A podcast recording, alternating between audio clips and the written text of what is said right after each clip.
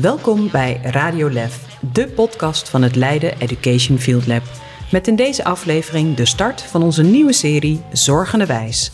Waar we samen met onderwijs- en zorgprofessionals in gesprek gaan over wat hebben hoogbegaafde kinderen nodig om gezond op te groeien, zodat ze hun potentieel kunnen ontwikkelen.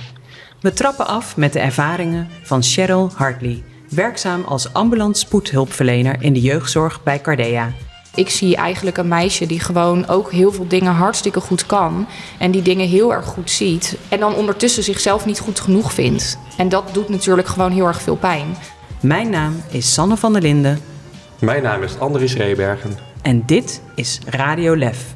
Welkom in de podcast van Radio Lef. We zijn in het Lef en zoals je hoort een beetje galmend in de vrije ruimte. Eh, maar dat komt omdat het zo druk is vandaag. Eh, met wie zit ik aan tafel? Mijn naam is Andries Rebergen. Ik werk ook voor het LEF en ik hou me bij het LEF bezig met eh, talentontwikkeling vanuit onze zichtlijn talentontwikkeling. Nou, ik ben Cheryl Hartley. Ik ben eh, spoedhulpverlener in de jeugdzorg. En ehm, ja, ik ben zelf moeder van een hoogbegaafd kind. Eh, we gaan een nieuwe podcastserie maken, Zorgende Wijs. Mooie naam. Eh Andries, wat betekent dat, Zorgende Wijs? Nou, wat we in Leiden zien, ehm, ook vanuit het LEF, is dat er steeds meer gesprekken ontstaan en initiatieven ontstaan. eh, die gaan eigenlijk over de vraag, eh, hoe kan het dat sommige kinderen niet goed eh, in het onderwijs passen en in de zorg terechtkomen? Terwijl die daar misschien helemaal niet terecht hoeven te komen. En eigenlijk vanuit onderwijs en vanuit zorg ja, komt dus de vraag naar boven van... Hey, wat kunnen we doen voor deze kinderen, zodat zij toch hun talenten kunnen ontwikkelen? En dan merk je dat onderwijs en zorg wat meer naar elkaar toe groeit. En vandaar ook de naam Zorgenderwijs, zorg en onderwijs. En nu staat er een eh, vraag centraal, hè, deze podcast. Ja. Welke vraag eh, komt er eigenlijk in de hele serie terug? Wat we eigenlijk willen vragen aan alle gasten in deze podcastserie... is de vraag die je ook al mooi in de introductie had, eh, had gesteld. Van wat hebben hoogbegaafde kinderen nodig om gezond op te groeien... en om hun potentieel te kunnen ontwikkelen? En dat is een talentgerichte vraag ja, waar we met gasten over in gesprek gaan. En wat raakt jou in deze vraag, Andries? Nou, ik hoor ook hier in Leiden, maar ook in, in, in Nederland eigenlijk heel veel verhalen van hoogbegaafde kinderen. die in principe best wel een potentieel bezitten, eh, op wat voor een vlak dan ook. die niet goed meekomen in het onderwijs. En dan denk ik eigenlijk van, hé, hey, hoe kan het nou dat wij als maatschappij hè, en als onderwijssector. nog lang niet altijd goed overweg kunnen met kinderen die grote talenten hebben? Eh, en dat vind ik zonde. En dus ik hoop echt dat we nou, met elkaar die vraag kunnen verkennen en dat we erachter kunnen komen wat deze kinderen nodig hebben om gezond op te groeien. Zodat ze hun potentieel kunnen ontwikkelen. Nou, daar heeft onderwijs een rol in, daar heeft de zorgsector misschien een rol in, daar hebben ouders een rol in. Eh, en daar gaan we over in gesprek. En Cheryl, wat raakt jou in deze vraag? Nou, eigenlijk precies wat Andries benoemt, dat herken ik dus vanuit mijn eigen situatie. Want ik heb een hoogbegaafde dochter van tien inmiddels. En eh, zij zit nu op haar derde basisschool. Ja, dat is natuurlijk niet wat je wil voor je kind. Hè. Ze zit nog niet eens in groep 8 en ze heeft al op drie scholen gezeten. En ja, weet je, je probeert gewoon voor je kind het beste te doen. Of tenminste wat je denkt dat het beste is. Maar dat is met een hoogbegaafd kind dus blijkbaar best nog wel heel erg ingewikkeld. Om ja, dat pad te vinden van wat is nou goed voor mijn kind. En dat raakt mij. Um, ik werk zelf in de jeugdhulpverlening. Ik heb uh, voorheen heb ik best wel lang in gezinnen gewerkt waar er juist een wat lager IQ was en waar ontwikkelingsproblemen ook waren. Nou, daar was een heel breed aanbod eigenlijk voor. Hè. Veel ook vergoed via de gemeente. Hè, dat, dat hoort gewoon bij de basiszorg. En toen ik met mijn dochter eigenlijk vastliep en daar ondersteuning bij nodig had, toen stond ik ineens een soort van ja, in mijn hemdje. Dat ik dacht van hé, hey, ik ken de, hè, de hulpverlening hier in de omgeving eigenlijk zo goed. Maar hier weet ik eigenlijk helemaal niet waar ik daarvoor terecht kan. En dat opende eigenlijk wel mijn ogen in het besef dat er eigenlijk ook nog niet zo heel veel is voor deze kinderen. En dat heel veel mensen eigenlijk ook nog niet zo goed weten wat ze hiermee moeten. Nou, en zodoende ben ik daarmee. Uh, aan de slag gegaan. Omdat ik dacht van nou, dat is niet oké. Okay, want deze kinderen hebben ook gewoon zorg nodig. En ook gewoon hè, verdienen het gevoel ja, dat ze er mogen zijn en dat ze goed zijn zoals ze zijn. En dat ze passende ondersteuning kunnen krijgen als ze dat nodig hebben. Ja, en jij kwam uh, uh, bij ons terecht hè, met het idee van... goh, ik wil daar een podcastserie uh, over maken. Waarom wilde je dat graag? Nou, omdat ik vaak ook deelneem aan de middagen die over talentontwikkeling gaan bij het LEF. En um, ik kom daar vanuit mijn zorgrol, maar ook natuurlijk deels een beetje vanuit mijn moederrol. En he, ook wel omdat ik sinds dat ik zelf in dit proces zit, veel ouders heb ontmoet die ook hoogbegaafde kinderen hebben. Maar in mijn werk zie ik het ook terug. Um, maar ik werk niet in het onderwijs. He, dus dat stukje kennis mis ik zelf. Ik zie wel wat er gebeurt, maar ik zie niet goed wat er van binnen echt veranderd zou kunnen worden of hoe we dat zouden moeten aanpakken. En um, ik vind het daarom ook heel fijn om aan deze middagen deel te nemen. En wat er elke keer naar voren kwam, is dat we eigenlijk meer kennis moeten verspreiden. Dus dat, dat je heel vaak ook ziet dat mensen eigenlijk ook niet zo heel goed weten... wat is hoogbegaafdheid nou eigenlijk en wat kan daar allemaal bij komen kijken. En dat daardoor ja, kinderen vaak niet goed gezien worden... of mensen ook niet weten dat ze hoogbegaafd zouden kunnen zijn. En toen dacht ik, ja, hoe kan je nou tegenwoordig in deze tijd op een snelle manier veel informatie verspreiden? Um, ja, online. Je hebt een hoogbegaafde dochter, vertelde je. Hoe kwam je daarachter dat dat zo was? Nou, eigenlijk heeft zij zich altijd wel wat anders ontwikkeld dan andere kinderen. Ik heb toen zij uh, drie was, en dat klinkt heel extreem, maar toen heb ik ook al een keer een, uh, nou, op haar niveau een IQ-test laten doen bij een kinderpsycholoog. Omdat zij toen op de kinderopvang zich eigenlijk helemaal niet meer naar de zin had. Um, ze speelde niet echt meer en al alle kindjes waar zij mee speelde, die waren al naar de basisschool, want ze speelde altijd met oudere kinderen. Ja, zij verveelde zich daar helemaal dood en zat zich eigenlijk heel erg af te vragen van ja, wanneer ga ik nou naar school. Maar dat duurde nog best wel een tijd. En ik zag dat zij vooral um, ja, aan het helpen was met de volwassenen. Dus ze ging kinderen naar bed, uh, hè, op bed leggen, uh, helpen met opruimen, met de vaat of in de, de spullen in de was doen. En ik had zelf het idee dat zij al gewoon iets anders nodig had om zich te kunnen vermaken. Ze was ook veel gefrustreerd. Maar ik wilde ook niet zomaar ja, iets gaan aanbieden waarvan ik niet wist of dat wel hetgene was waar ze behoefte aan had. Dus toen um, ja, heb ik haar laten testen. Toen zat ze met heel veel dingen op het niveau van een kind van vijf. Dus toen heb ik toch maar ja, op eigen houtje wat dingen ook meegegeven naar de opvang. Hè. Een soort ja, letterboekjes of uh, nou, dingen waar ze mee bezig kon zijn, puzzeltjes. Nou, in de kleuterklas ging het eigenlijk best wel goed, want ze is ook heel creatief. Ze houdt van spelen, ze is lekker druk. Dus de kleuterklas ging eigenlijk wel prima. En toen in groep drie um, ja, begon het weer lastiger te worden. En kwam ik erachter hè, dat ze eigenlijk niet zo heel goed in dat stramien paste waar ze wel in zou moeten kunnen passen. Um, ze was heel druk, heel afgeleid. Ze kon heel moeilijk kiezen uh, wat ze moest doen als ze iets moest kiezen. Ze lag meer onder de tafel te dweilen en onder de stoel dan dat ze erop zat. Toen brak de coronatijd aan, dus toen moest je ineens thuisonderwijs geven. En toen kwam ik er ineens echt achter hoe erg zij afweek van de norm waar ze in moest passen. Um, want zij was thuis al Harry Potter boeken aan het lezen, maar ze was op school nog het ABC aan het leren. Dus ze had nog niet eens alle letters doorlopen.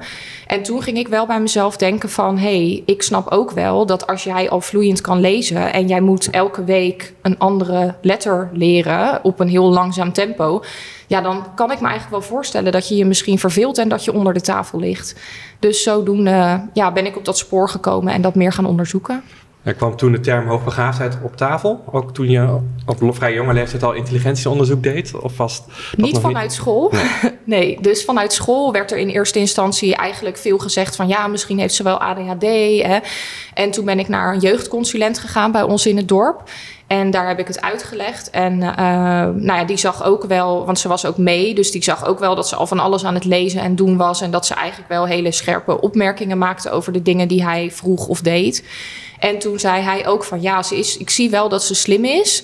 Maar misschien moeten we eerst even kijken of ze ADHD heeft. En dat we dan kijken wat daar nog een soort van van overblijft. Hè? Dus dat we eerst even gaan proberen om dat hè, om dat gedrag te temperen. En dan daarna kijken van, oh, hoe zit het eigenlijk met die intelligentie? En ik merkte eigenlijk aan mezelf, want ik, ik had me er al een beetje op in gaan lezen. Uh, dus ik zat er al een beetje over te googelen en wat dingen erover op te zoeken. En ik merkte dat mijn gevoel daarover gewoon niet goed was. En dat ik dacht van nee, maar ik vind gewoon dat we eerst moeten kijken wat er gebeurt als wij haar aanbieden wat zij daadwerkelijk nodig heeft. En of haar gedrag dan nog steeds zo, hè, zo druk en onbeheerst is. Of dat ze zich dan wel kan focussen. Hè, dus ja, ligt het nou echter aan dat zij gewoon zich, hè, haar impulsen niet kan beheersen? Of ligt het gewoon aan verveling? Nou, toen ben ik met andere ouders in gesprek geraakt. En heb ik haar uiteindelijk laten testen bij een onafhankelijke orthopedagoog. die gespecialiseerd was in hoogbegaafdheid. Ja, daar kwam het wel naar voren. Ehm, nou ja, en ik vond het ook wel fijn om het in eigen hand te houden, omdat als um, school kon ook wel een test aanvragen bij een bepaalde praktijk waar zij bij aangesloten waren. Alleen was ik best wel bang dat zij dat dan zouden doen vanuit de visie van: hé, hey, we hebben een meisje die is heel druk, hè, uh, heeft moeite om haar impulsen onder controle te houden. Wat kunnen we hier nou mee? En dat er ook vanuit die bril dan naar dat onderzoek gekeken zou worden. Terwijl ik dat anders zag. ja, ehm, dus dan focus op het negatieve gedrag eigenlijk. Ja. Dat wordt in beeld gebracht en dat moet opgelost worden. Ja. Terwijl jij dacht van nou, misschien zit het dan wel in verveling en te weinig aanbod en uh, werk dat niet op haar niveau is. Ja, klopt. Ja. En dan heb je op een gegeven moment, komt dat label op tafel. Ik noem het maar even label. Hè, mijn dochter is hoogbegaafd. Ja. En dan, wat doet dat met je als moeder en hoe ga je dan ja, in gesprek met school? Ja, ik vond het zelf wel heel erg fijn. Want ik hou van. Ik ben iemand die ook houdt van kaders en weten waar ik aan toe ben.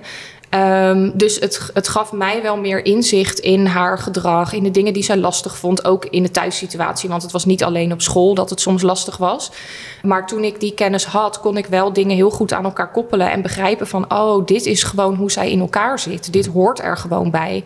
Um, en ik hoef me daar niet per se zorgen over te maken, maar ik moet gewoon kijken wat zij dan nodig heeft. Um, dus ik vond dat wel heel prettig. Die orthopedagoog is toen ook op school, heeft eh, een keer aangesloten om uit te leggen hè, wat zij bij Emilia heeft gezien en wat Emilia nodig heeft. Maar ik merkte wel dat het op school, ondanks dat zij een hele welwillende juf had die heel enthousiast was en het leuk vond om dit te gaan ontdekken, hè, wat dit nou eigenlijk was en wat ze zou kunnen doen, dat het moeilijk was om het echt te begrijpen. En dat het aanbod eh, waar zij dan uiteindelijk mee kwam. Uh, want ze kwam bijvoorbeeld met een bepaalde lesmethodiek. Maar dat ging uiteindelijk dan toch weer over het kunnen leren plannen, concentreren, focussen. Dus toen dacht ik van ja, maar dat is niet waar het voor mij om draait. Dus ja, eh, ondanks dat je dan dat label hebt en dan zelf wel weet welke kant je op wil, vond ik het in het onderwijs nog steeds wel moeilijk om me begrepen te voelen of het gevoel te hebben dat mijn kind begrepen werd. Wat ik vaak van ouders hoor van hoogbegaafde kinderen is dat als hun kind dat label krijgen, ze vaak ook gaan nadenken over hun eigen schoolloopbaan en hun eigen carrière. En ik weet dat jij daar ook een verhaal bij hebt. Ja. Dus kan je daar iets over vertellen? Dus, hoe, hoe ging dat? Ja, dat klopt helemaal. Ik heb zelf ook een uh, ja, ingewikkelde schoolcarrière gehad.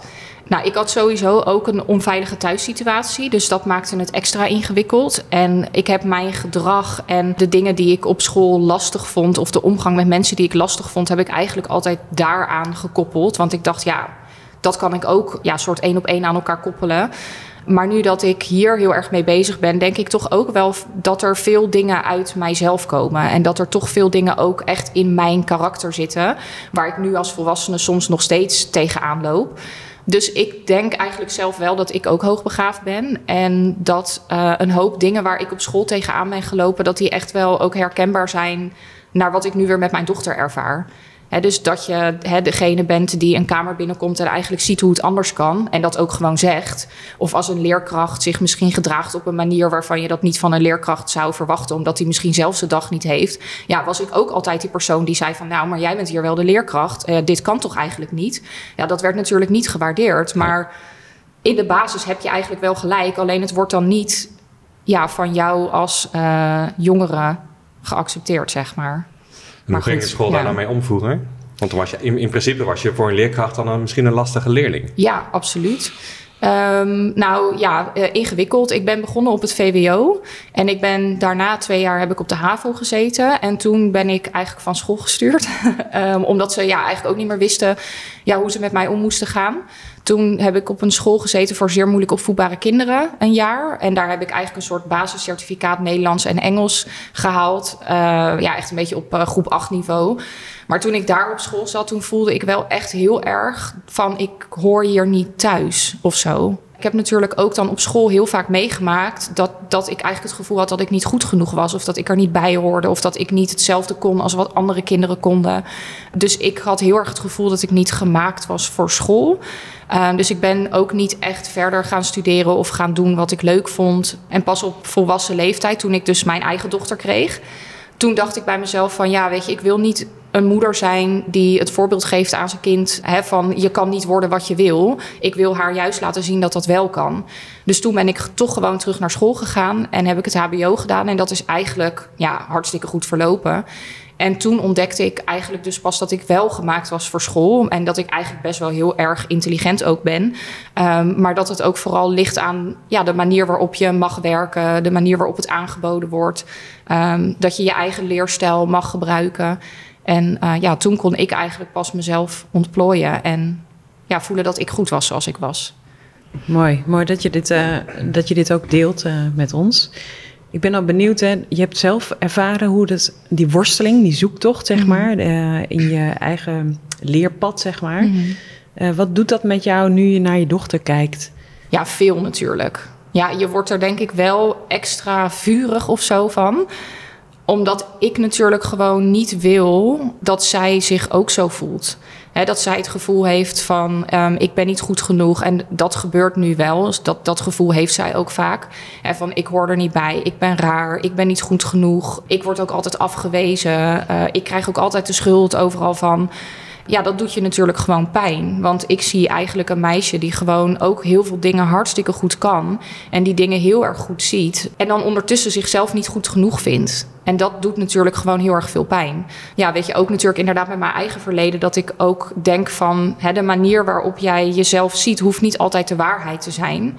Uh, want je bent wel goed zoals je bent. Geeft mij wel extra veel ja, kracht om voor haar welzijn op te komen, denk ik. Ja, je hebt ook een behoorlijke zoektocht gemaakt hè, met welke partijen betrek, betrek ik. Heeft dat te maken dat jij, doordat je bij Cardea werkt, dat je meer weet hoe, de, hoe je de welke wegen je moet bewandelen? Want ik kan me voorstellen dat dat voor ouders die uh, vergelijkbare signalen bij hun kind zien, niet misschien altijd weten waar ze terecht kunnen. Dat vind ik eigenlijk juist wel een hele goede vraag die je stelt. Want het feit dat ik zelf in de hulpverlening werk, gaf mij echt nul voorsprong op dit gebied.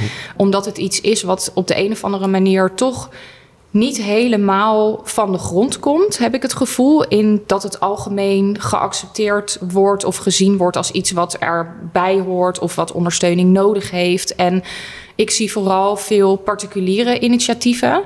Hè, dus mensen die inderdaad zelf ook hart ervoor hebben en zoiets hebben van wij willen deze kinderen helpen. Um, hè, uh, wij willen hier iets aan bijdragen. Maar dat dat, dat is wel een zoektocht die je zelf moet afleggen. Want dat is in de nou ja, brede hulpverlening, waar ik zelf dan vandaan kom, is dat, zijn dat geen plekken die je zo waarvan je weet, oh, dan moet je daar zijn. Dat is echt, echt een flinke zoektocht. En ook nog eens um, ja, flink graven in je eigen portemonnee. Want um, die particuliere initiatieven worden ook niet bekostigd door de gemeente. Dus uh, ja, bijvoorbeeld voor haar IQ-onderzoek moest ik al 1500 euro betalen. Nou ja, en als je dan begeleiding wil, moet je dat ook zelf betalen. Of je kan, ik heb nu dan zelf wel PGB voor mijn dochter. En dat was wel mijn voordeel, dat ik weet dat ik daar recht op heb. Uh, maar ook als hulpverlener vond ik dat een heel ingewikkeld traject. En soms nog steeds. Weet je, stel dat je niet in de hulpverlening werkt. En je hebt dus helemaal geen basiskennis. Hoe moeilijk moet deze zoektocht dan zijn? En welke knoppen denk je dat er gedraaid moet worden om te zorgen dat die zoektocht of die, die samenwerking eigenlijk op het stukje zorg en onderwijs rondom dat kind, dat dat beter gaat, soepeler gaat verlopen? Ja, ik denk vooral ook echt dat het een stukje kennis en mindset is. He, want ik zie dat er, er zijn ook bepaalde onderwerpen die misschien twintig jaar geleden ook iedereen overdacht van nou weet je wel, ADHD, het zal wel, laat dat kind een rondje rennen om de school heen en dan, uh, dan doet hij maar normaal.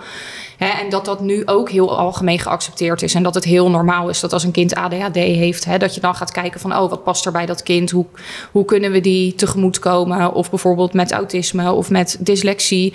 Hè, dat zijn eigenlijk dingen die al heel erg geïntegreerd zijn in de zorg en in het onderwijs waarvan misschien hè, in het verleden ook mensen dachten van nou, het zal allemaal wel. En ik heb toch een beetje het gevoel dat er, dat er echt wel een hele goede groep hiermee aan het werk is en zien wat er moet gebeuren. Maar ik heb ook het gevoel dat ja, als je naar het brede beeld kijkt, dat er toch echt wel veel mensen ook nog steeds een soort van stigma hebben van oh, hoogbegaafd. Nou ja, die denken dat ze hartstikke goed zijn. En als je hoogbegaafd bent, dan kan je het toch allemaal wel. Of ja, weet je, dus wat hebben die dan nodig? Nou ja, het zal wel een beetje. Ja, dat gevoel heb ik wel. Dus ik denk dat het vooral belangrijk is dat mensen naar voren komen met hun ervaringen en dat samen gaan brengen om echt wel duidelijk te maken dat dit echt iets is. Wat ook gewoon belangrijk is en dat deze kinderen wel iets nodig hebben, ondanks dat ze ook slim zijn, dat dat niet betekent dat alles ze maar makkelijk afgaat en dat zij ook gewoon basisondersteuning verdienen. Nou weet ik van scholen hier in de regio dat ze bijvoorbeeld plusklassen opzetten waar kinderen terecht kunnen. En dat richt zich nog heel erg op aanbod creëren eigenlijk op cognitief niveau. Ja.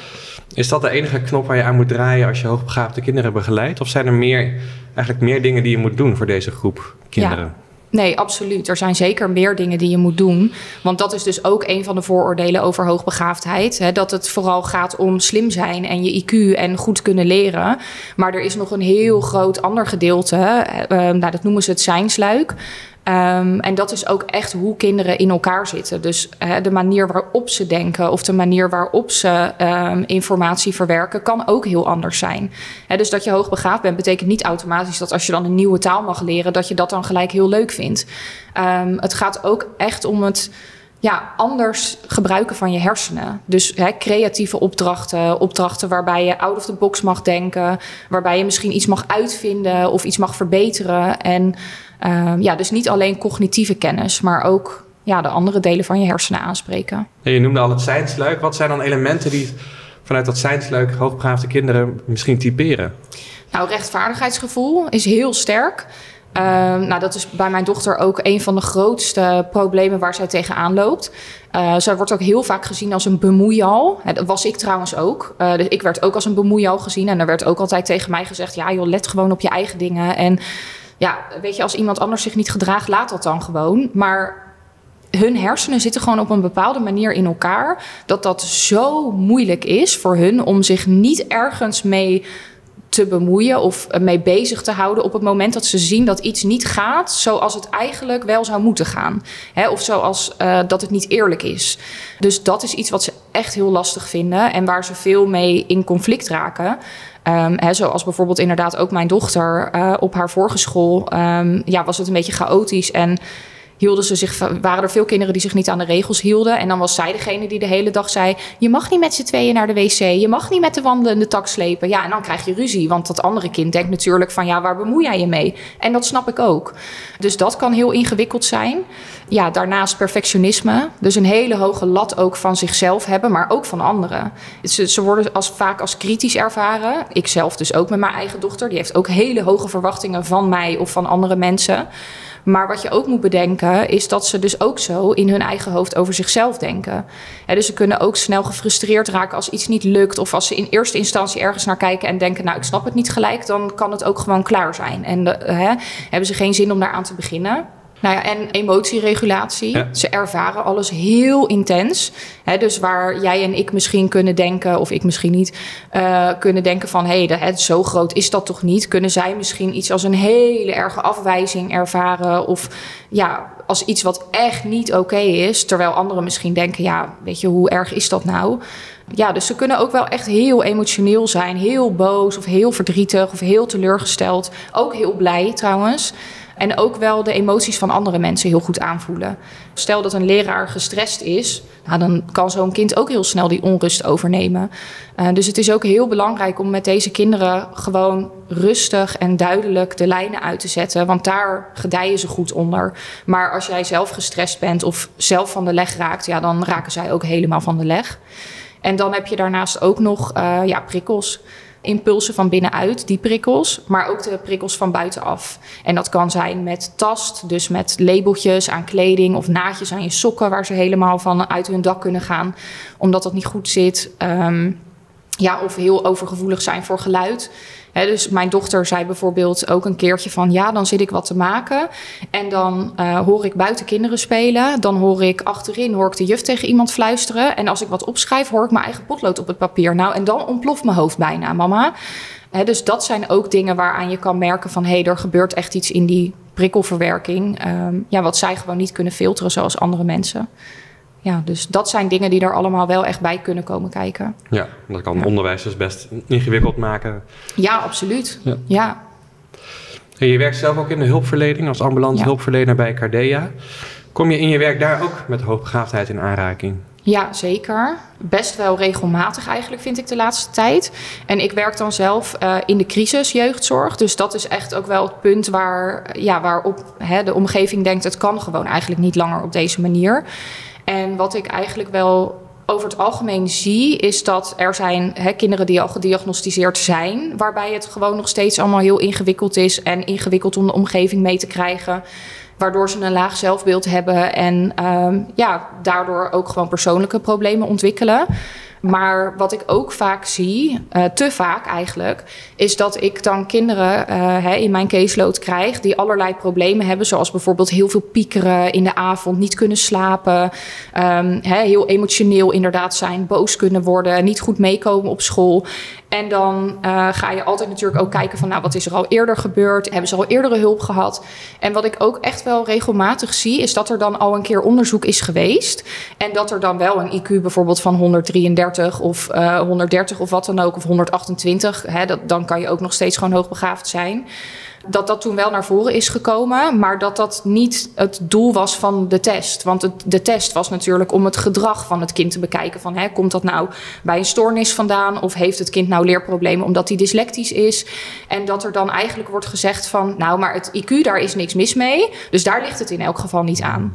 Maar dat er dan dus niet tegelijkertijd een koppeling wordt gemaakt, ook niet door degene die die test heeft afgenomen, van hé, hey, dat zou ook nog wel eens een indicatie kunnen zijn dat er misschien iets anders aan de hand is. Of dat dat met elkaar samen zou kunnen hangen, die problemen waar dit kind tegenaan loopt en het IQ wat het kind heeft. Dus dat vind ik ook wel ja, soms spijtig om te zien. Ja, dat niet iedereen dus die kennis heeft en die koppeling kan maken. Dat dat ook gewoon zo kan zijn. En ik denk dat er daardoor ook echt hoogbegaafde kinderen zijn die in een bepaalde hoek terechtkomen van de hulpverlening. Hè, waarin ze, mensen echt denken van wat moeten we nou met deze kinderen. Terwijl ze daar eigenlijk niet terecht hadden hoeven komen. Ja, daarvoor pleit je natuurlijk ook al voor meer kennis richting professionals, maar dus ook ja. echt, echt richting die zorg. Ja. Uh, want in het onderwijs gebeurt er nu steeds meer. En dan komt het aan het licht dat die kinderen niet altijd goed tot hun recht komen. Maar als in de zorg er ook geen kennis is en kinderen daar terechtkomen en ze worden niet gezien, zelfs met een IQ-test, ja, dan is er nog wel wat werk aan de winkel. Ja, absoluut. Zeker. Ja. ja.